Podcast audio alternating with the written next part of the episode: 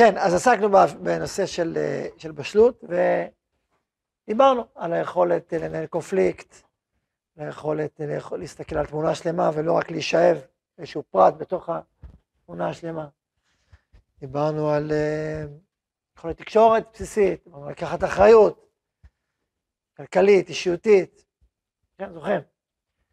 אה, אני אוסיף עוד כמה דברים בנושא הבשלות, ראיתי שזה יפחיד אתכם יותר מדי דברים, אז אולי... אבל זה לא, האמת היא שכל דבר כזה יכול להיות ברמה מאוד מאוד גבוהה, יכול להיות ברמה סבירה, ברמה סבירה זה מספיק, אחרי זה תתקדם. אבל אם זה לא ברמה סבירה, אז זאת שאלה, תשאל, יש פה שאלה. עדיף שאתה תשאל מאשר שאשתך תשאל למה התחתנת, כי אם אתה לא...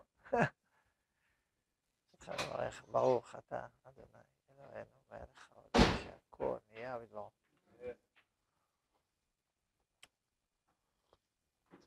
כן, אז uh, עוד דבר שהוא, אני חושב שהוא חלק מהבשלות של האדם, זה uh, סוג של ביטחון עצמי וערך עצמי, ולדעת מה הוא רוצה מעצמו. אמרתי כמה דברים. ערך עצמי, שאל אותי פעם בחור, האם ערך עצמי בכלל דבר טוב? אולי ערך עצמי זה גאווה? דבר שלילי, זה, מה זה ערך עצמי? זה, זה, זה... רוצה להתנפח, כאילו, מה זה ערך עצמי? התשובה האמיתית לשאלה הזאת, שתלוי מה אתה מתכוון כשאתה אומר ערך עצמי. אתה מתכוון שאתה מוערך, שיש לך איכויות, שיש לך שליחות, שיש לך תפקיד, שיש לך כישרון, אז מה, מה, זה, זה, זה, הגאווה. למה אתה עשית את זה? הוא שנתן לך את הנשמה ואת השליחות ואת הכוחות. זה, יש לך את הבחירה הטובה שלך, בסדר, אבל האיכויות היסודיות שלך קיבלת במתנה. עושר מתנות ידיך, קיבלת במתנה. ומאוד חשוב שאדם יהיה, יהיה לו את, הערך הפנימי שלו, שהוא באמת בעל ערך, שהוא חשוב, שהוא נמצא בעולם, הוא לא סתם פה. הוא לא סתם מגיע לפה. הוא, הוא, הוא יצירה כל כך חשובה. צלם אלוהים עשה את האדם, ואתה באופן מיוחד, יש לך זכות ואיכות וייחוד שאין לאף אחד אחר. אז זה דבר ראשון, ערך עצמי יסודי, חיובי. ערך עצמי במובן שאדם מנופח מתחושת עליונות, זה לא טוב. יכול לשבת פה. כשאדם מתגאה, כשאדם אומר לעצמו, אני ואין זולתי, אז זה לא טוב. אבל ערך עצמי, כמו שתיארתי אותו מקודם, במובן של להעריך, להעריך באופן עמוק את עצמו ואישיותו, זה מצוין. יתרה מכך, בשיעור על הקינה, אם אתם זוכרים, בשנה שעברה, שעסקנו במידת הקינה, דיברנו על זה שחלק מהתרופה העמוקה למידת הקנאה היא הכרת הערך העצמי והייקור שלו, לייקר את השליחות שלך, לייקר את התפקידים שלך, את האיכויות שבך. לא רק להכיר אותם, אלא להוקיר אותם. לייקר אותם, להבין כמה זה חשוב, כמה זה משמעותי, כמה זה נחוץ. וככל שהערך הזה יותר מפותח וההוקרה הפנימית היא גדולה יותר, ואתה פועל לממש אותה, ככה אתה פחות מקנא. כל תעודת הקנאה היא בשביל לעורר לך את תחושת האחריות על השליחות שלך, על התפקיד שלך, לאישיות שלך. אבל אם אתה מזלזל באיכות שלך, אז מה, מה בדיוק תעשה? אז לכן חלק מהתרופה, או חלק מהאתגר, חלק מה... הזמנה, שמידת הקנאה מזמינה את האדם להתפתח ולהתעלות, זה להוקיר את האיכויות שלו ואת השליחות שלו בעולם. כמובן שזה בא אחרי להכיר, יד וכף. אז זה דיברתי ערך עצמי. עכשיו, ביטחון עצמי. ביטחון עצמי הוא דומה קצת לערך עצמי, אבל זה דבר הרבה יותר בסיסי נפשי. ביטחון, שאדם יש בו, הוא לא מהסס בכל משפט שני שאומר אולי הוא טעה. אה, במקרים קיצוניים זה אובססיה, שאדם אה, סוגר את הדלת עוד אלף פעמים, אבל זה קיצוני. במקרה נורמטיבי שאדם, יש לו ביטחון, הוא יודע מה הוא רוצה מעצמו, נדבר על זה עוד מעט. אה, הוא אומר אמירות, הוא יכול להגיד אמירה בלי להתנצל כל רגע ורגע, אולי הוא טעה, אולי הוא פגע, אולי... הוא אומר אמירה, חיים נורמטיבי. יש לי ביטחון עצמי, או אתה רוצה להיות בישיבה כמה שנים? כן. מה, אבי? כן. מה, אולי לא? למה לא? כאילו, יש איזשהו ביטחון שהוא בסיסי, והוא חשוב מאוד. לקשר, הוא חשוב אחד לבן אדם באופן כללי, ולקשר באופן מיוחד, כי זה חלק מהצורך של האישה באיש, שהוא, יש לו איזשהו ביטחון ועמידה. זה גם הפוך כמובן, גם, גם אישה, אבל עוד יותר איש. הדבר השלישי שאמרתי עכשיו, זה לדעת את הכיוון שלך.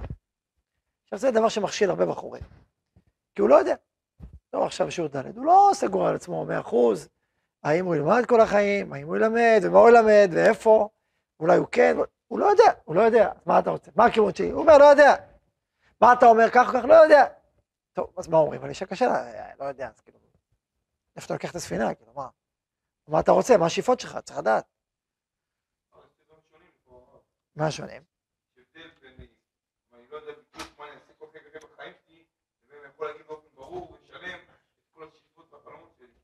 השונים? יכול לבוא ולהגיד כל השאיפות, בכלל תשים לב שהיא שכחה לשאול אותו מה אתה מתכנן לעבוד. לא, למה זה חייב להיות אה, קשור? זה, אה, קודם כל, שום דבר לא חייב להיות, אבל... אה, שהוא לא יודע אם הוא יהיה אברך, או ילמד וילמד, או בעל מקצוע, זו שאלה חשובה. זה חשוב לאישה לדעת איזה כיוון בחיים שלך אתה בוחר, כאילו מה. אז אתה אמרת כל החלומות זה כל השאיפות, אתה לא יודע איך זה מסתדר עם זה. כל החלומות, כל השאיפות, כי... אתה... אתה דיברת מאוד ספציפי, אבל אני דיברתי משהו יותר רחב. משהו יותר כולל, לא רק ספציפי כמה שנים תלמד, אלא בכלל איזה כיוון יש לך בחיים. שאלה יותר רחבה, יותר כוללת והיא גם משמעותית. עכשיו, לפעמים אדם כן יודע. אדם יודע, תשמע, אני אלמד כמה שנים ואחר כך, אבל לא יודע בדיוק כמה, אבל זה הכיוון שלי, אוקיי. אדם אומר, אני אשלב גם וגם. אגב, אני אומר, גם גם איש מעשה, צריך ללמוד שעתיים, שלוש כל יום. בצורה רצינית, לא ללמוד איזה עשרים דקות ולהגיד יוצאתי חובה. שלוש שעות, להיות בן תורה אמיתי, זה עכשיו צריך להתרגל לזה. גם אדם שמעשה שידע בחלום שלו, שהוא ממשיך ללמוד ולגדול, להיות בן תורה, להיות תלמיד חכם אפילו, ש, שעובד ולומד. זה אני אומר בכל מקרה. על כל פנים לשאלה אולי הוא משלב, או בעיקר בעיקר יש מעשה. אני חושב שה, שהפתרון לעניין הזה, אני לא, לא בהכרח שחשוב שאדם לפני שהוא יוצא כבר ידע בוודאות האם הוא אה, יהיה איש מעשה או ילמד. אני לא חושב שזה בהכרח חיוני, אתה לך פה? אני לא חושב שזה בהכרח חיוני לדעת את הנקודה. אדם יכול אדם להגיד לעצמו, אני עדיין לא יודע, אלא מה? השאלה היא איך אתה אומר את זה. שזה, גם כשאתה אומר יש לי שתי, שתי אפשרויות, אתה עדיין אומר שתי אפשרויות, אתה לא אומר לא יודע, לא יודע. מה זה לא יודע? יש, כמו שתגיד, מגיע לך קושייה בגמרא, הרב לא הבנתי את הסוף. מה לא הבנת? לא יודע, לא הבנתי. כל התוספות, רבע מהתוספות, הקושייה, את התירוץ. מה לא, לא הבנתי, לא הבנתי זה מין אמירה נורא כללית, דרך רחבה ואמורפית כזאת מופשטת, בלי שום אחיזה. זה משאיר תחושה של חוסר יציבות. אבל אם אתה אומר, לא הבנתי את התוספות, החלק הראשון, השלישי הבנתי. החלק השני, בתירוץ, התירוץ לא מובן, כי אפשר להגיד ככה, שיגיד ככה. יש מחלוקת אחרונים בתירוץ, אני לא מבין אותו, אני לא מבין את ההקשר בין השאלה לתשובה. אתה יודע מה אתה לא מבין, אני מנסח מה אתה לא מבין. אוקיי, זה מובן, אתה בפנים. אז גם אני אומר לעצמו, תשמעי, אני יכול אני עדיין בצומת, עוד לא הכרעתי בשאלה הזאת, אני מרגיש שיש לי רצון מאוד טוב ללמוד תורה ואני קשור לזה. יש לי גם כישרון מעשי. האמת היא שעוד לא הכרעתי בסוגיה הזאת. יש אה, פוטנציאל גדול, שאני כן אמשיך ללמוד ואלמד, זה, יש לזה התכנות, כי אני רואה שאני מחובר לזה. מצד שני, אני לא בטוח שאני מספיק אה, אה, חדור ב, ב, ביכולת הזאת מהבוקר עד ערב, גם בגילאים מבוגרים יותר, אני לא בטוח שהכישרון שלי בללמוד, אני יכול גם ללמד ולעסוק בזה כעיקר, יש לי כישרון כזה, אבל לא בטוח כמה הוא מספיק מלא, ולכן אני לא סגור על זה עד הסוף, ואני מתלבט. יש שתי אפשרויות, יכול להיות שערות כמה, ברור שאני לומד עוד שלוש-ארבע שנים, יכול להיות שאחר כך אני ארגיש שהנכון שלי לשלב, ויכול להיות גם שאני אבחר ללמוד ולמד, אני אמתין מתי אני לא חייב, מבחינתי אני לא חייב להחליט בזה, פה אני נמצא. זה, אין בזה בעיה, זה אוקיי, מובן. כמה, יודעים מה עושים בשנים הקרובות, באופן כללי, יש שתי אפשרויות, הם יוכרעו בהמשך. עכשיו כמובן, אם לאישה מאוד חשוב, אחד מהאפשרויות דייקה, דווקא, חשוב לה שדווקא ילמד וילמד. אוקיי, תעשי את החשבון שלך. אם לך תדעי שפה יש אופציה שזה לא יקרה. אז אם זה הכי הכי חשוב לך, אז אל תמשיכו. ואם זה לא כל כך חשוב לך, אז אוקיי, או חשוב לך הפוך, יש מה שיעבוד בעולם המעשה. אוקיי, פה יש אופציה שנייה, תביני את זה. עכשיו, או שלאחד מהצדדים, אחד האופציות לא כזה חשוב, הולכים על צד מסוים, בואו נכריע עכשיו. או אם לא רוצים להכריע, אז ברור שהאישה צריכה לקבל את שני האופציות, באופן אה, פוטנציאלי לפחות, שני האופציות. עכשיו, ואז אפשר להתקדם, אחרת יש פה בעיה, יש פה, פעם, זה לא הוכרע. אלא כן, אתה מחליט להכריע עכשיו, תחליט, אתה רוצה להכריע, אתה לא רוצה להכריע, תלוי בקשר, תלוי בהרבה דברים. סוגריים, כל מה שאמרתי עכשיו, זה נכון בשביל הקשר, בשביל להחליט להתחתן. אחרי זה בחיים עצמם יש הרבה הפתעות, וזה צריך לדעת תמיד. לפעמים אתה תכננת א', ויצא לך ב', פתאום נתקעת, פתאום זה, יש המון אילוצים בחיים, שאדם לא תכנן, ולא ידע, ולא צפה. זה, זה ככה זה החיים. אז זה שתכננת א', זה, וזה דבר משמעותי, ואתה עומד מאחורי זה, וזו אמירה רצינית, זה מצוין. אתה צריך לדעת תמיד, אני אומר זה כאמירה מוסגרת לכל הצדדים. שהרבה פעמים, אה, ריבונו של עולם, מול אותם מקומות אחרים, לא תמיד אנחנו אה, יודעים מראש בדיוק לאיפה ניקלע, וזה מעניין לראות את זה. שמעתי פעם עם רב בשם הר גינזבורג, שאחי אומר שהוא כשר, הוא הולך ופתאום הגיע למקום אחר שהוא לא צפה ולא תכנן מראש, שהוא נאלץ, הוא אומר, אוקיי, ריבונו של עולם בחר לי היום את המסלול. הוא שמח, אני בדרך כלל אני בוחר, עכשיו הוא בוחר. הנה, זה הסוף של הקדוש ברוך הוא מצוין. כן.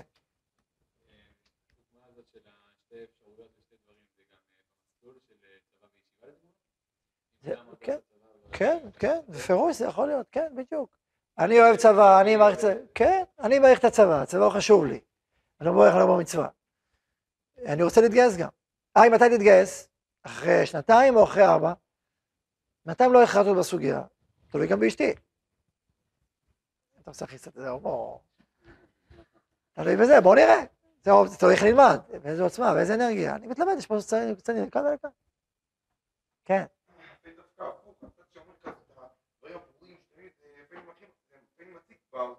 אם זה קיצוני, אם זה קיצוני, אם זה קיצוני אתה צודק, אם זה קיצוני, כמו כל דבר שהוא קיצוני, אומר הרב קוק, אין לך מידה שאין הקיצוניות מזקתה.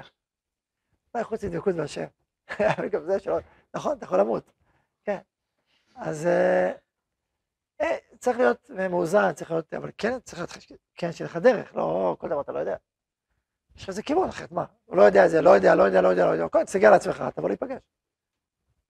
נכון, אני צריך איזה כיוון. כמו שאמרתי, דייקתי, אמרתי, כיוון לא צריך להיות סגור, מוחלט, סופי, אבל זה הכיוון, יש פה שתי פיצולים, אוקיי, בסדר, זה מובן.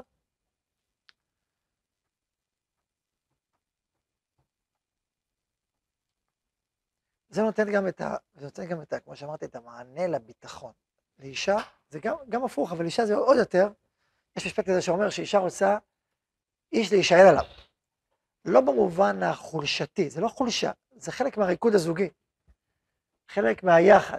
הזוהר הקדוש אומר, בראשית, בראשית זה מורכב משתי, משתי אותיות, משתי מילים, בית, בראשית, נכון? בית.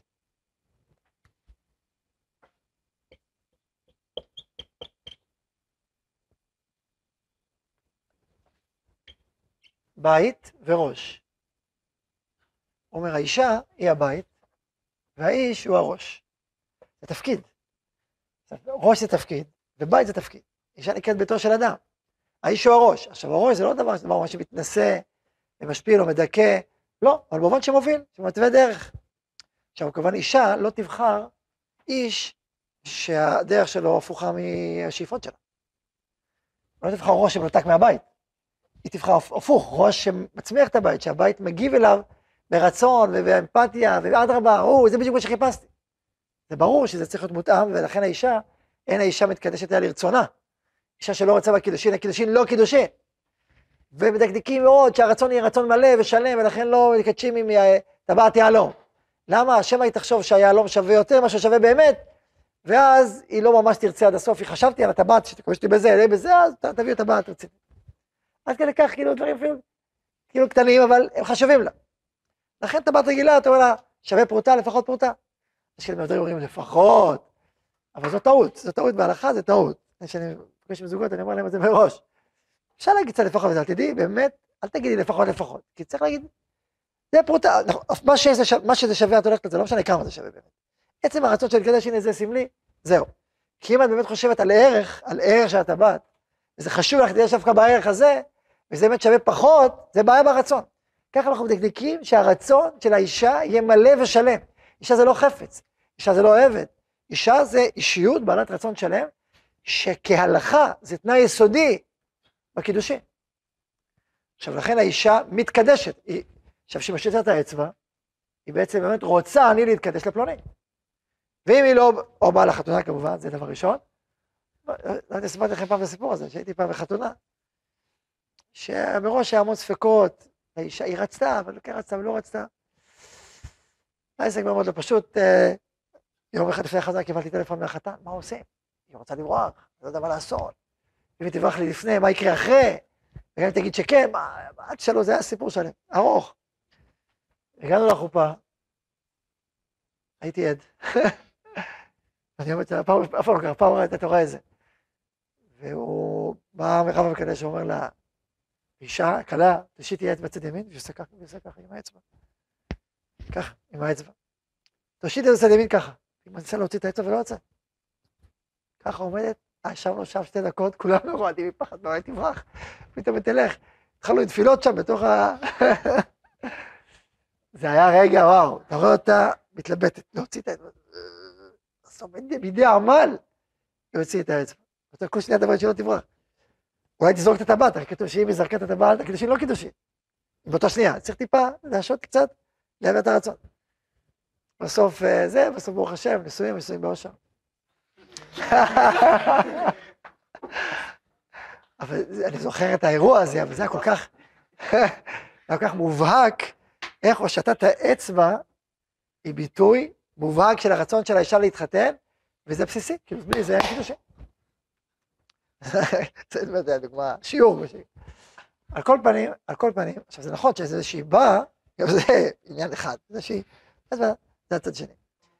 מה זה? כן, כן, כן, אוקיי.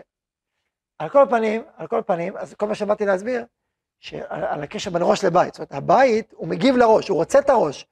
הוא רוצה את הראש הזה, הוא רוצה את הדרך הזאת, דרך החיים הזאת, שאתה מדבר, זה מה שהוא רוצה.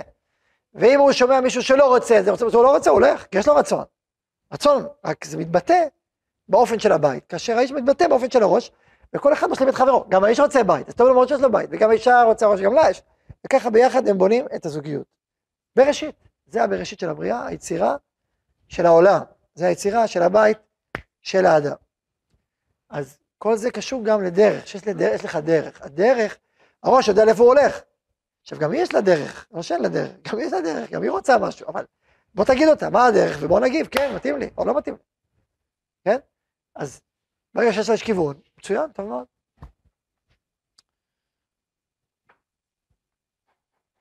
אני חושב שדיברת על זה כבר, ש, שהכיוון הוא כיוון שמצד אחד אתה, אתה מוליך, מצד שני אתה רגיש, אתה מקשיב, אתה אכפתי ומתקשר איתה. זוכרים, נכון, דיברתי על זה. כן, מה רצית?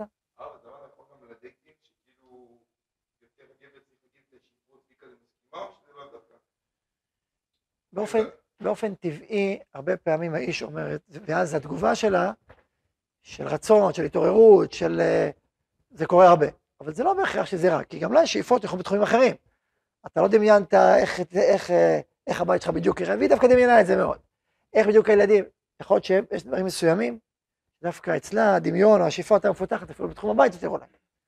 או נגיד שהיא רוצה מישהו שילמד תורה, זה בנפשה ונשמתה. יכול להיות, זה לא בהכרח. לא. כאילו, המצב הזה גורם לכך שכאילו יותר קל לבחורה להביא את הגבר, לו יותר קשה לראות איפה הבחורה נמצאת. הוא פעם מסביר וזה, כזה כאילו, זה יכול מתלהבת, אתה לא, כאילו, אתה לא מצליח להבין איפה היא איתך, אם איתך או איתך. אוקיי, אז תשאל ותקשיב, מדי פעם תלמד לשתוק. ומה את אומרת? מה את אומרת? ואם אומרת לך חצי משפט, אל תגיב. תמשיך. אה, כן? מה את מתכוונת שאת אומרת כך וכך? יש מושג שנקרא שאלות פתוחות, שאלות סגורות. מכירים את השאלות פתוחות, שאלות סגורות? דיברנו על זה פעם. לומדים את זה בעיתונאות, בתקשורת. למשל, אה, הלך אתמול כיף? מה התשובה? או כן, או לא. או, והשאלה היא, איך היה לך אתמול? מה התשובה? או, אפשר להגיד כיף, כן, אבל היה כך והיה כך. או מה, מה הביא אותך לשם? עשית כך וכך, מה הביא אותך לעשות? או, האם עשית את זה בגלל כך וכך? כשאתה אומר האם כך וכך, מה התשובה? כן או לא. זה נקרא שאלה סגורה, היא סוגרת את התשובה, כן, לא, לא. או לשאלה, את השאלה, מה הביא אותך לעשות דבר? זה כבר שאלה אחרת. מה הביא אותך לעשות דבר? זו שאלה פתוחה. אה, מה הביא אותי? בוא תשמע, יש לי הרבה סיבות. אחת, שתיים, שלוש. מבינים? אז ככלל, ככל שהשאלות הן פתוחות, הן מזמינות, איך הגשת, מה היה, וכולי, אולי תוכלי להסביר קצת יותר את העניין הזה? תוכלי להרחיב קצת בזה? כל מיני שאלות כאלה שהן מדובבות אותה, ואז היא מדברת. וזה צריך, חוכמה, צריך להכיר איך לדובב ולהקשיב, ולשמוע ולשאול על מה שהיא אומרת. יש בזה מבחינת נוגבה קצת, פעם דיברנו שאפשר אה, לקרב ולהשפיע בשתי צורות. גם בצורה אקטיבית של דוחה, וגם בצורה של נוקבה, במובן שאתה מעודד. מישהו מספר לך סיפור, ואתה מתלהב מדברים מסוימים. אז ככה אתה מחזק את החלקים הטובים בלי להגיד, רק להגיב. זה, אני קורא לזה דרך נוקבה. אתה, אתה, זה שאתה מתלהב מזה ולא מזה, אז הוא כבר יודע מה לספר לך, באופן טבעי, מה, מה לא, מה לא מעניין אותך, אתה כבר, כן, שמעתי, עובר, אה, זה, וואי, איזה מדהים. זה ברור שזה מרחיב וזה מקטין. זה גם דרך להשפיע, לחזק או לעורר, אבל בדרך הנוקבית יותר. אז לכן יש בזה אמת שזה נוקבי וגורים. מצד שני, גם האיש צריך להיות מאוזן ומקשיב ושואל, מפתח. ו... אוקיי, אז דיברנו על חצי ביטחון עצמי וכיוון. כיוון בחיים, שכאשר זה, אני אומר ברמה הבסיסית, יסודית, זה, אני קורא לזה חלק מאותה בשלות שדיברנו עליה, כאשר אדם בעצם אה, רוצה להקים בית, הוא יודע מה הוא רוצה מעצמו. בסדר? זהו, אני חושב ש... אני חושב שאמרנו את הדברים העיקריים בעיניי של המושג של הבשלות, שעסקנו בו שני שיעורים, ואפשר להתקדם. מה זה להתקדם? להתחיל אה, לשמוע הצעות. נכון? אנחנו עכשיו דיברנו על הרצון, כמה שיעורים, דיברנו על זה שאתה רוצה זה לא מספיק, תהיה גם בשל. אחרי שאתה בשל, בכבוד. מה? איזה שלב? עכשיו? אתה בשל אמרנו. מה להתייעץ? מה? שמה, שמה, שמה? תבוא אישה תבוא? מה הבנתי?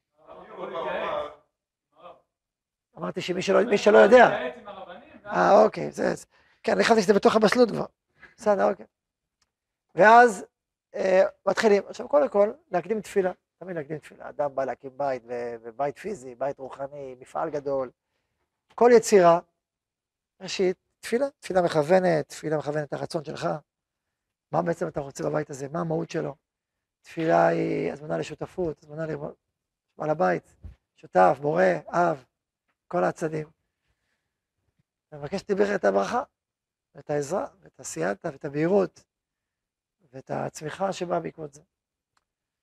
ודבר נוסף, אני אומר, אמ, להיות מוכן לתהליך. תהליך. זה יכול להיות קצר, זה יכול להיות ארוך. פעם פעם בדרך, בדיחות ה... מה זה קריאת ים סוף? שמעתי את זה פעם, וורט חמוד. הוא אומר שקשה זה בגלל של אדם כקריאת ים סוף. שידוע שקריאת ים סוף, אנשים חושבים שקריאת ים סוף זה מעבר לעבר, נכון? חושבים כמו חוצים את הכנרת בשני הצדדים. זה לא נכון. ים סוף הוא ענק, לא אמרו שם 30 אה, 100 קילומטר. זה היה כמו קשת. הנה מצרים פה, עושה כזה קשת, והולך באותו, באותו צד, יותר, הרבה יותר רחוק. ככה אומרים. עכשיו, אם זה קשת, אז תחשבו, היה פה 60 ריבוע, זה מאוד רחב, נכון? אז יש כאלה שנמצאים בצד הקרוב של הקשת, בצד הרחוב של הקשת. אז אומרים, זה קשה, זה בקריאת ים סוף. יש כאלה שנמצאים בזה בקצר, אחת, שתי פגישות, שתי, יש בארוך, זה מאוד יפה. אז צריך לדעת שלפעמים זה הולך ככה בקלות, קצר, יש כאלה שקבלים בשמיים מתנה, ראשונה זה ראשונה, ארבע חמש פגישות, ברור להם שזה זה, והכל חולק וזה רע. ויש כאלה שזה דרך ארוכה ומפותלת, בעיות ושאלות ואכזבות, יש ויש, וכל אחד לפי המסלול חיים שאותו הוא צריך לעבור. פה אני רוצה להגיד לכם אמירה כללית, ש... שאני אומר את זה בשם השערות הלבנות המעטות, או לא המעטות שיש. ותשמעו, לפעמים, במיוחד שבחור הוא צעיר, והוא רואה, הוא, רואה, הוא רואה את עצמו כמה קשה לו, קשה לו בלימוד, קשה וגם קשה לו למצוא אישה, והחבר שלו זורם בלימוד, וישר הוא מוצא את האישה, ואיך זה זורם לו, והכל נחמד ונעים. מה קורה פה? הוא רץ כמו, אתה יודע, כמו אצן, והוא הולך כמו איזה, עם מקל, ונתקע ונופל, מה, זה? הוא לא מבין, הוא לא מבין, ומקנא, ומצטער, ואומר מה, שהוא כל המזל הרע נדבק אצלו, ודילגו עליו שם, שחילקו את המתנות בזה, דילגו עליו בתור, וכל מיני כאלה חשיבה ודברים. ומה שאני רוצה לומר לכם, שהניסיון החיים שלי הראה ומראה בצורה מאוד מאוד ברורה, שכמעט לכל אדם, אני אומר כמעט רק בשביל הזהירות, לא כי אני מכיר, כמעט לכל אדם יש ניסיון, ניסיונות בחיים. ניסיונות משמעותיים. רק אה, לא, בכל, לא באותו תחום. לאחד יש בזוגיות, לשני יש בילדים, לשלישי יש בעבודה, לרביעי יש כל מיני דברים שאדם עובר. אני לא אומר את זה בשביל שת- שתצטערו. אני צריך לתת את החיים. החיים, יש בהם ניסיונות. ו... ולא כל מה שרואים באיזה פרק זמן קצר מאוד, זה חזות החיים. לפעמים אדם היה לו קשה ב- בנישואי את אשתו, אבל היה לו ברכה מאוד אחרי זה בנישואים. אדם לא קצה אשתו, אחרי זה הוא עבד קשה בנישואים. כל מיני דברים, ועל פי רוב, בוא נגיד הרבה פעמים, אנשים לא יודעים את ניסיונות חבריהם. לא יודעים. כי הוא לא יספר לך. יש דברים שגלויים לכל. אדם חלילה חלה או משהו, אז כולם יודעים ורואים. אבל יש דברים שלא יודעים. והרבה מאוד ניסיונות, אנשים לא יודעים. אה, ראיתי את זה הרבה מאוד פעמים, באופן אישי, הרבה אנשים, הרבה פעמים. אתן דוגמה אחת, יש לי הרבה מאוד דוגמאות, כן, אבל אתן דוגמה אחת, אני זוכר שהכרתי את אחד האברכים פה, בחור אה, איכותי מאוד, מצליח מאוד, בכל הפרמטרים. אה, אתה רואה, אתה רואה, גם פיזית, גם נפשית, גם רוחנית, גם הכל הכל. בסדר.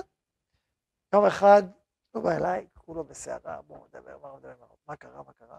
אל תשאל, ההורים שלו במריבה כבר שנים, אה, איזה מריבות, חבל הזמן, וכל אחד מדבר איתו, להטות אותו לצד השני. ועכשיו אבא שלי דיבר איתי, ואל תשאל, מה, מה אני יכול לעשות, מה אני יכול לעשות? הוא אומר לי, זה שנשארתי שפוי בבית כזה, זה החידוש.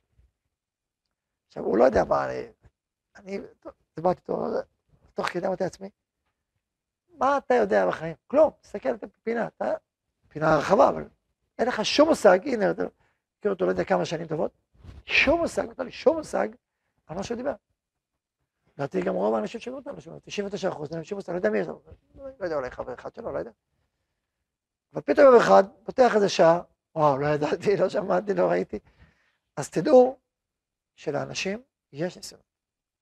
לדעתי רוב האנשים, עכשיו זה לא אומר שכל החיים שלהם בניסיון, או החיים שלהם רעים. אמרנו פעם שזה נשמע שלרוב האנשים, רוב החיים טובים. למיעוט האנשים, רוב החיים רעים, ולרוב האנשים, מיעוט החיים קשים להם, יש להם תקופות קשות.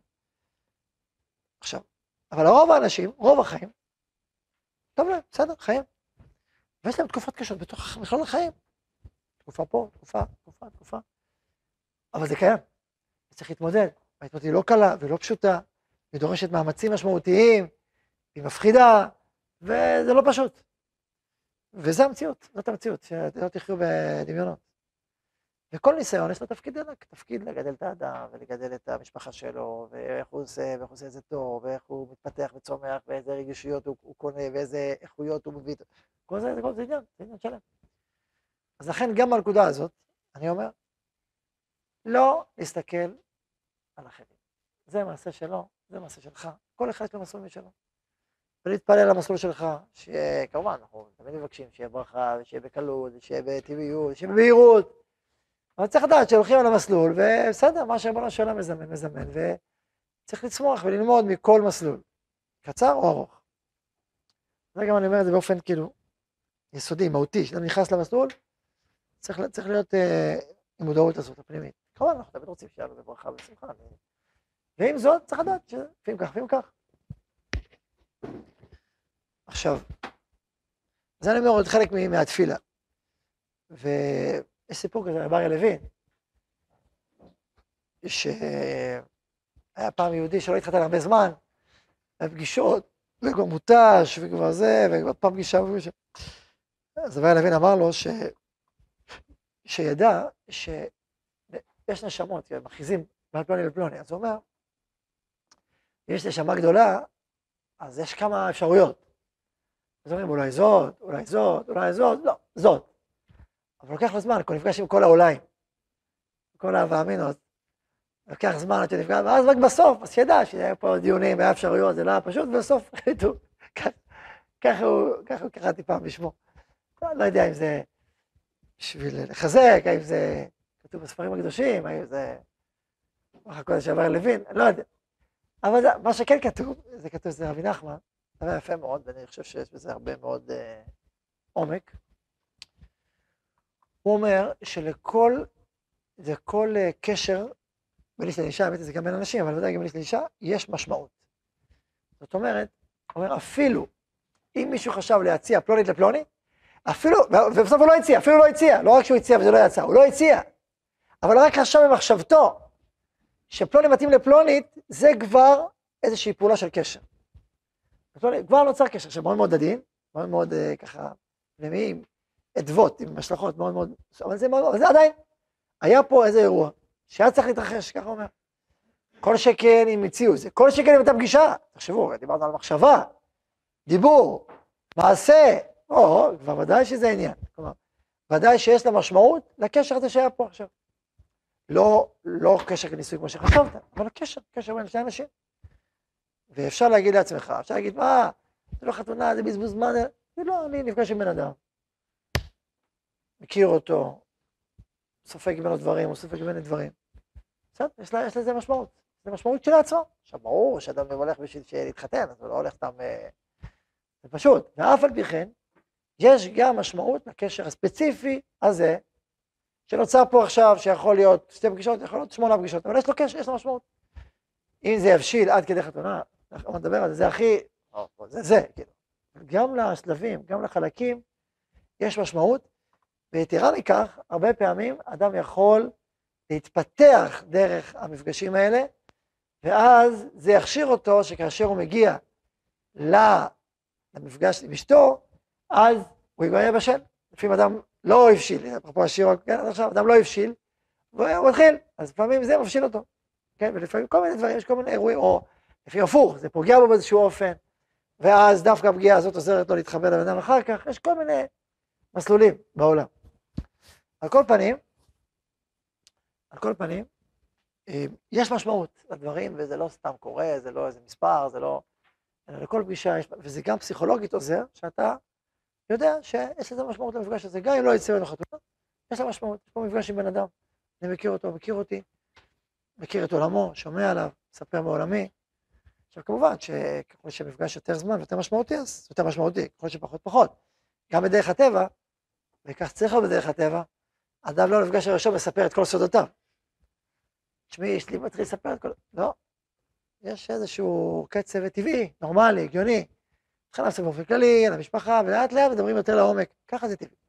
יש יוצא דופן, כל כלי שיוצא מן הכלל, אבל לפעמים יש קשר נשמתי מדהים, שבאמת כבר על ההתחלה, יש דברים כאלה, אבל זה לא דרך המלך, זה לא דרך, זה לא דרך הרגילה, זה חידוש, יוצא דופן. הדרך הרגילה היא תהליכית. התחלנו לספר באופן כללי, ודברים, וסיפורים, ולאט לאט שמתחברים יותר ויותר, ואז נפתחים יותר ויותר, ואז מדברים דברים יותר עמוקים, יותר פנימיים. ככה זה, ככה זה קורה, ובדרך כלל ככה זה גם נכון שיקרה. עכשיו, אמ, עוד לפני שנצלול פנימה לפגישות, עוד לפני, עוד, עוד, עוד יסוד. אה, יש שתי גישות בעולם ההלכה, או בעולם היהדות, נקרא לזה באופן כללי כזה מאוד, לעולם של הפגישות. יש אומרים שהפגישות נועדו לבדוק היתכנות של קשר. שיש פה באמת פוטנציאל אמיתי לקשר. אם יש פוטנציאל, קדימה צעד, עם רוב הסיכויים שהקשר פה יהיה טוב נלך על זה. אם לא, לא. זה גישה אחת. גישה שנייה אומרת לא פוטנציאל, אלא קשר. אנחנו רוצים שיתרקם פה קשר, שיבשיל עד לחתונה. משהו אחר. גישה ראשונה, יותר גישה חסידית. אומרת, שלוש פגישות, ההורים עושים בירורים מפה ועד המעסק. בודקים את כל הדברים, העניינים, עושים עבודה מאוד מאוד גדולה ומרובת פרטים ובחינות ובירורים, ובגלל הסנה של בני הזוג האלה מתאימים זה לזה לפי כל הנתונים. מה נשאר? הקשר הרגשי, הנפשי, אוקיי, תבקשו פעמיים שלוש, תראו שיש התכנות. מראה, בסדר, נראה בסדר, זה בסדר, יאללה תתחתנו. ואז, בגלל שרוב הנתונים כבר הקודמים כבר ברורו, הקשר הראשוני, יש לו בסיס טוב, יאללה, עכשיו תבנו אותו באמת, זה אחרי חתונה. ממילא עדיף לא, לא, לא להיפגש הרבה אחרי הרוסים וכולי, זה סתם מרגיש. זה מסלול אחד שיש בו אגב הרבה היגיון. ויש מסלול אחר שאומר, טוב, שלוש פגישות, הוא לא מכיר, הוא לא מכירה. עוד לא נוצר הקשר עצמו, אישית, יפה שביררתם והכל, אבל הקשר עצמו לא נוצר. וזה גישה שיותר העולם הליטאי, העולם הציוני. ונדבר על העולם החילוני בכלל, הוא, הוא משקיע ולא משקיע. מצד אחד הוא מגיע לקשר הכי אינטימי ב... מיד, כמעט, ו... מצד שני, הוא גר, ואולי ואולי. זה מבחינת בסוף אם זה מועיל, אז זה ממש כאילו, אני מדבר עכשיו התור- בתוך העולם התורני, אז יש את העולם יותר ציוני והעולם הליטאי, שהם מדברים על קשר שנוצר ומתפתח, לא קשר של, הוא קשר שגדל מספיק בשביל לרצות להתחתן. אני קורא לזה שאתה כבר רוצה להתחתן איתה. זאת אומרת, אתה, אתה רוצה להתחתן עם הפלונית, רוצה להתחתן איתך. זה הקשר שמבשיל. אני לדעתי, זה הדרך המלך התורנית, כי אחרת איך יסבירו את הפסוקים? כבשוש חתן על כלה, עשית לך אלוהיך. כל מצלות חתנים, מה בדיוק המצלות? על מה? אתה לא מכיר אותה בכלל. לא נוצר קשר בכלל, אתה לא יודע. לא, עצם זה שאני מתחתן כבר אני שמח. טוב, אוקיי, יכול להיות שהוא שמח בעצם הדבר. אם אתה שמח כל כך בעצם הדבר, בסדר, אבל רוב האנשים לא שמחים רק בעצם הדבר. הם שמחים בזה שיש קשר, שיש אהבה, שיש אחווה, שיש שלום ורעות, שנוצר פה קשר משמעותי. מזה הם שמחים. הם שמחים רק מההיתכנות של הקשר. אם כי יכול להיות שאנשים בתרבות אחרת, אז ככה הם חיים וככה הם שמחים וזה ככה עובד. אני לא שולל את זה, אני רק אומר שאני חושב שזו דרך יותר, יותר טובה וגם יותר מתאימה לדור שלנו, שהציפיות מנישואים הרבה יותר גבוהות ועמוקות, ושתיים שלוש פגישות זה לא מספיק בשביל, אה, לא מספיק אה, יסודי בשביל לבנות על זה את הבניין. שוב, שוב, ברור שבעולם חסידי, אם הציפיות הן אחרות מהנישואים עצמם, התהליך עצמו, ואולי יש גם ליווי אחר כך, אז יכול להיות שלכם זה לא מפריע כל כך, כי, כי הציפיות הן אחרות. אז יכול להיות שלכן גם המסקנות, שאם הן שונות, זה לא כל כך אה, מפריע, אז אוקיי, אז יכול להיות שזה מתאים לדרך למי שבתוך התרבות הזאת. אבל מי שחי בתרבות אחרת, עם ציפיות יותר עמוקות וכולי, אז ודאי שרק היתכנות היא בדרך כלל לא מספיקה. לכן צריך שיהיה קשר משמעותי, כן. כן, כן. אולי פחות, אה, לא בדיוק אותו דבר, באופן מהותי כן.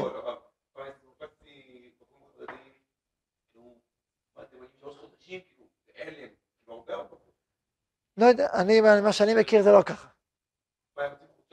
יכול להיות. מה שאני מכיר, יכול להיות שאתה יודע, שווה להתאם.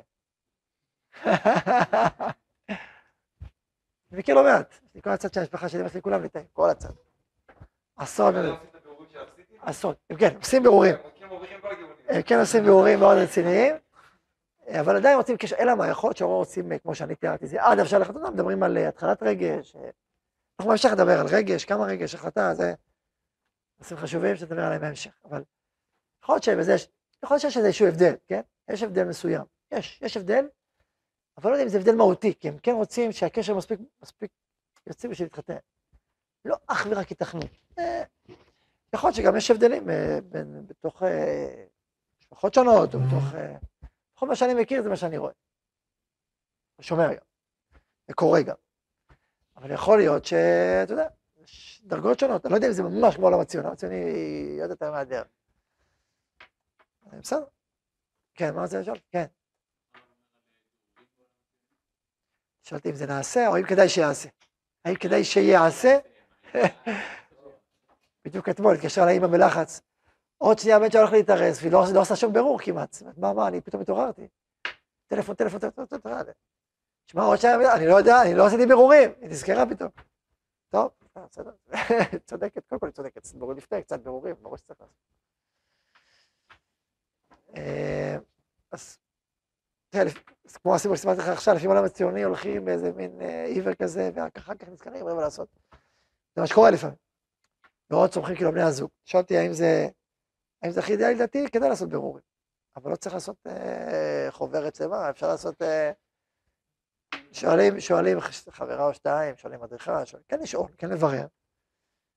אה, לברר טוב, לשאול שאלות טובות, שאלות שאלות. עוד מעט אני אדבר על בירורים ומה מברר. גם זה נושא... לפני שמציעים את השידוך? מה? לפני שמציעים לדוד את השידוך? אוקיי. אה, אז בוא נדבר על זה, בוא נדבר על בירורים. אתה- אתה שואל, מה אתה שואל? אתה שואל כמה נכון לברר ומה הנושא של... אוקיי. אז רק נסכם, אז סיכמנו את הנושא מקודם, אמרתי שיש שתי, שתי גישות לעולם הפגישות, אמרתי מה ההשלכות שלו. ממילא מי שהולך לפי ההיתכנות, ברור שצריך להיות כמה שפחות פגישות, כי התזה שאומרת, הרעיון שעומד מאחורה, שבאמת קשר אמיתי זה רק אחרי הנישואים, שהוא קשר מלא, הוא קשר בפועל, וקשר זה, זה, זה חצי קשר, זה רבע קשר, ולכן אה, עדיף אחרי שבדקת את ההיתכנות, בוא תאמש את הקשר, זה בעצם אה, יותר מדויק, זה, זה הרציונל. הסברה השנייה אומרת, זה לא כזה פשוט, כי יש הרבה דברים גם אם הבירורים טובים וגם, אבל עדיין יש, לא בטוח של, שבאופן אה, פנימי, מה שביררת מתאים לבן אדם. זה מתאים, מתאים על הנייר, אבל יש פער בין הנייר לבין המציאות. המינונים השונים, ההקשרים השונים, יש הרבה מרחב בין אישי, שאי אפשר לכמת אותו ולברר אותו מראש. ואם אתה מצמצם מאוד בבין אישי, אז יכול להיות שאחר כך בנישואים יצוצו המון פערים משמעותיים, שפשוט לא היה להם הזדמנות לבוא לידי ביטוי. אז בשביל זה, זה יקשה על חיי הנישואים. עכשיו, זה נכון שתמיד יהיה דברים כאלה גם. כי לעולם, אפילו בני זוג, בני זוג חילונים, מה שנקרא, שלפעמים גרים בשנתיים ביחד, אחרי הנישואים צצים דברים חדשים. כי יש איזה משהו, עשו על זה מחקר וגילו שיש משהו באדם, שכל עוד הוא לא, לא בטוח, אז הוא מסתיר. לא תמיד אפילו במודע. לפעמים בתת מודע, הרבה חלקים מסוימים שבו הם סגורים, כאילו בתוכו, בתוך הבוידל. הוא התחתן ובטוח, הוא, הוא מרשה לעצמו להביא עוד חלקים שעד אז הוא לא הביא. ככה אומרים המחקרים וגם המציאות במידה רבה. אז לכן אפילו אם אתה חי, זה נכון שאתה חי איתו, אז ברור שאתה רואה יותר דברים, אבל זה לא כל הדברים. לכן באופן מצד מסוים צריך לדעת שתמיד יהיו חלקים מסוימים שתגלה אחרי חתונה. אני אומר, גם חלקים טובים. יכול בהכרח דווקא את הבאגים, גם אה, דברים אה, שמחים ויפים, וצדים עמוקים ויפים באישיות, והרבה חלקים טובים שרואים, גלים, באמת. גם חסרונות, בסדר. נדבר על זה, בהמשך הדרך, אנחנו רק בהתחלה. ובכלל אני רק אומר, אנחנו נדבר גם הרבה, אני לא רוצה שיישמע שחלק מסוימים כאלה מורכבים ומפחידים ובעייתיים ושמחים והם טובים, ושמחה להיות נשוי, שמחה להיות הורה. עם זאת, יש כמה חלקים מאתגרים וצריך להכיר אותם טוב. ועדיף להכיר אותם לפני ולא אחרי. עדיף להכיר אותם טוב לפני, ואז להיות מופתע, עד אם כן, נשמתך אחרי, ולהגיד לא דיברו, לא סיפרו, לא ידעתי מה קורה. אז לכן אני גם נותן לזה משקל ומקום. סומך עליכם כאנשים בוגרים, שתדעו, לא, לא לחשוב שמה שאני אומר עכשיו זה חזות הכל, כל חיי הנישואים, אלא זה הרבה חלקים אחרים. נדבר עליהם גם, אבל... אוקיי.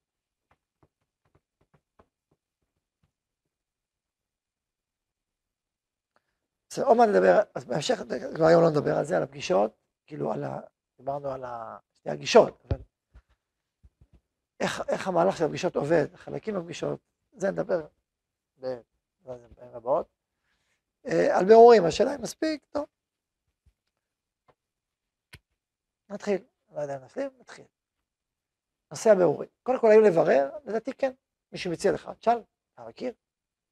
מכיר את מי שאתה מציע, מי שמציע לך, נכון? באינטרנט אי אפשר לברר, אבל יש ממליצים, ממליצים. אז אתה שואל, אתה מברר, עכשיו, איך מבררים מה מבררים? אז קודם כל יש דברים שהם כלליים. כלליים, שאתה יודע שזה דבר יסודי, הרב רחם, הרבה הרב תמיד אומר, שלוש דברים כלליים אה, יסודיים, לב טוב, יראת שמיים וצניעות, זה מה שאומר הרב רחם. לב טוב, אישה טובה שאוהבת לעשות, לעשות טוב, אוהבת להיטיב, מול חסד. יראת שמיים זה כל המעמד הרוחני, לא רק המוסרי, הרוחני, יראת אלוקים וצניעות. עכשיו, צניעות הרבה פעמים היא אחד הביטויים ליראת שמיים. לא יודע, הביטוי היחיד, זה תלוי גם בסיטואציה, בהקשר, בתרבות, אבל זה מה שאמר הרב, לב טוב, יראת שמיים וצניעות, בסיסי. אני רוצה להוסיף עוד דבר, אבל זה רק אם אתה שם נמצא גם כן. לדעתי הוא חשוב מאוד, שזה היכולת של אדם להתפתח, להתקדם. שהוא לא אומר, אני מוצר מוגמר, קבל אותי כמו שאני, מעתה ועד עולם. עכשיו, זו לא סוגיה עמוקה מה שאני מדבר עליה עכשיו, כי אחרי שהתחתנת, אז זה כבר עניין אחר. לפני שהתחתנת זה עניין אחר, ולפני שביררת עוד יותר אחר. אני מדבר עכשיו בשלב הבירורים. לעניות דעתי, אדם, אישה, שיש לה את הכוח הזה להתפתח ולגדול, והיא רוצה לצמוח ולגדול, זה דבר מאוד מאוד חשוב. כי אין אדם בלי חיסרון, ואין זוג שהוא מושלם, ותמיד צריך לצמוח ולגדול. ואם האדם הוא כזה שהוא כזה מין מוצר מוגמר בתודעה שלו, והוא בשום פנים ואופן לא מוכן להתקדם ולהתפתח, זה לא העניין שלו, זה קשה, זה קשה להתפתח איתו. כי יש חסרון, בסדר, בוא נעבוד עליו, בוא נתפתח, אבל יש חסרון וככה הוא. אתן לכם אה, דוגמה אחרת לרעיון הזה, מזווית אחרת. יש ספר יפה שכתב יצחק מנדלבאום, פסיכולוג, נקרא חוקי הזוגיות, עכשיו חדש. אני קורא אותו, ספר מעניין, יצחק מנדלבאום, פסיכולוג, עשרות שנים, זה פשוט ידוע. זה מעניין, הוא קורא לזה חוקי הזוגיות, זה כמו חוקים שהוא ניסח בשביל זוגיות טובה, כדאי לקרוא אותו, ספר מעניין ברמה, איכותי, כמובן, כמו כל דבר יש מפלפל, ויש מה לדון ולראות, אבל זה ספר טוב. בעיניי ספר טוב, הוא איכותי, משמעותי, אין, אין הרבה ספרים ברמות גבוהות, הוא ברמה. ו... ושם הוא כותב, זה כאילו עשרה חוקים, אז אחד החוקים שלו למשל זה שכאשר אתה מתחתן עם מישהי, תדע לך שבסוף אתה גם אחראי לחסרונות, אין מה לעשות, אתה יש לך חיסרון, לה יש חיסרון. אתם באים עם האיכויות והחסרונות שלכם. ושניכם תלמדו עם החסרונות גם כן, כלומר זה חלק מהסיפור. ואז הוא, אוקיי, זה אמירה אחת, ויש עוד אמירות שלא נעסוק בהן עכשיו. אבל החוק העשירי שהוא כותב, מה זה החוק העשירי? החוק העשירי הוא שאם לאחד מבני הזוג יש בעיה או יש קושי עמוק, שהוא רוצה ללכת עם מישהו שלישי, בן הזוג השני חייב לקבל את זה. כלומר, בן זוג, כלומר, אתה לא יכול להגיד בן זוג משמע, אני רוצה ללכת לייעוץ, אצל רב, אצל אדם מוסמך, אצל יועץ, והשני אומר, לא, אני לא הולך לייעוצים, אני נגד ייעוצים. ייעוצים זה דבר שלילי, אני נגד ייעוצים. אני נגד פסיכולוגים, אני נגד uh, חברים, אני נגד, אני בכלל לא מדבר עם אף אחד על משהו שקשור אליי. כי אם אדם אומר את זה, ובעצם יכול לנעול את השער מסיוע חיצוני, זה לא פשוט. כי, כי יכול להיות שבן זוג אחד סובל מאוד, והשני בכלל לא רואה בעיה, או חושב שהוא יפתור את הבעיה, והוא לא פותר אותה. אז מה עושים? אז זה נכון שבן זוג אחד לוקח אחריות גם על חסרונות של בן זוג השני, בסדר, נסביר על זה בהמשך. אבל בסדר, זה נכון, אבל מה קורה שיש פערים? בן זוג אחד מאוד סובל, והשני לא מכיר בכלל שיש בעיה, הוא לא מספיק רואה את זה, הוא לא מספיק רגיש לזה, הוא לא מספיק מבין את זה. אז לכן הוא אומר שזה דבר מאוד מאוד חשוב, שאם יש בעיה, ולא הצלחתם לפתור אותה בעצמכם, כאשר אחד מבני הזוג אומר את זה, אז גם אתה כבן זוג השני אומר, אני מסכם על עצמי, ברור שאם יהיה בעיה, אני אלך לייעוץ. או לא חייב להיות ייעוץ דווקא אצל יועץ, יכול להיות, שוב, אצל רב, אצל בורר, אצל איש אה, שאתם סומכים עליו, אדם אה, נבון, שיש לו קצת ניסיון, כן? אז, ואז הוא אומר שם, ושואלים אותי לפעמים לפני הנישואים, אם אדם לא מוכן, למה, מראש הוא אומר לא בשבילי, האם להתחתן או לא להתחתן, ככה שואלים אותי. ואז הוא אומר, זו שאלה קשה, אין לי תשובה ברורה, אבל אני ממליץ מאוד להיזהר, ככה הוא מנסה. כי הוא אומר, כי אם דבר כזה קורה, אז בן זוג אחד מאוד מאוד טוב. ואין לו דרך לצאת מהפלונטר. למה הבאתי את מה שהוא אמר? כי אני מחבר את זה למה שאני אמרתי מקודם, לרעיון להתפתח, שיש דרך להתפתח, שיש דרך לגדול, אתה לא תקוע בבעיה, וזהו מפה ועד עולם, אין, לא מעניין אותנו שום דבר. זה נכון שאדם, הוא לא משתנה בקלות, נדבר על זה בהמשך, אבל עדיין, הוא רגיש לחיוך הזה, ורוצה להתקדם, ורוצה להתפתח, מחפש את הדרכים להתפתח, ומוכן להיות במקום הזה. לכן אני רואה בזה דבר גדול, דבר בעל משמעות רבה. כמובן, אם אתה גם כזה, אם אתה גם לא מוכן להתפתח, אתה תצפה שרק תתפתח. זה חלק מתהליך התשובה היסודי של אדם, להתפתח בחייו. לא לקבל עצמו כמושלם, לקבל עצמו כמשתלם. דיברנו על זה הרבה בשיעורים, אה, שיעור א', נכון? אז אה, כן, גם. אז זה, זה, אה, אז זה, זה לדעתי עוד יסוד גדול, כמו שאמרתי, לב טוב, עד שמיים, צניעות ו... יכול להיות להתפתח, אולי לא בבירורים, אולי דרך פגישות, כן, אבל זה יסוד גדול, לדעתי ככלל הוא צריך. ללכת איתו. טוב, אנחנו צריכים לסיים כאן, ולא השלמתי, לא השלמתי את הנושא הבירורים, פרק ב', שיעור הבא, ברוכים תהיו, חזקו ואמצעו.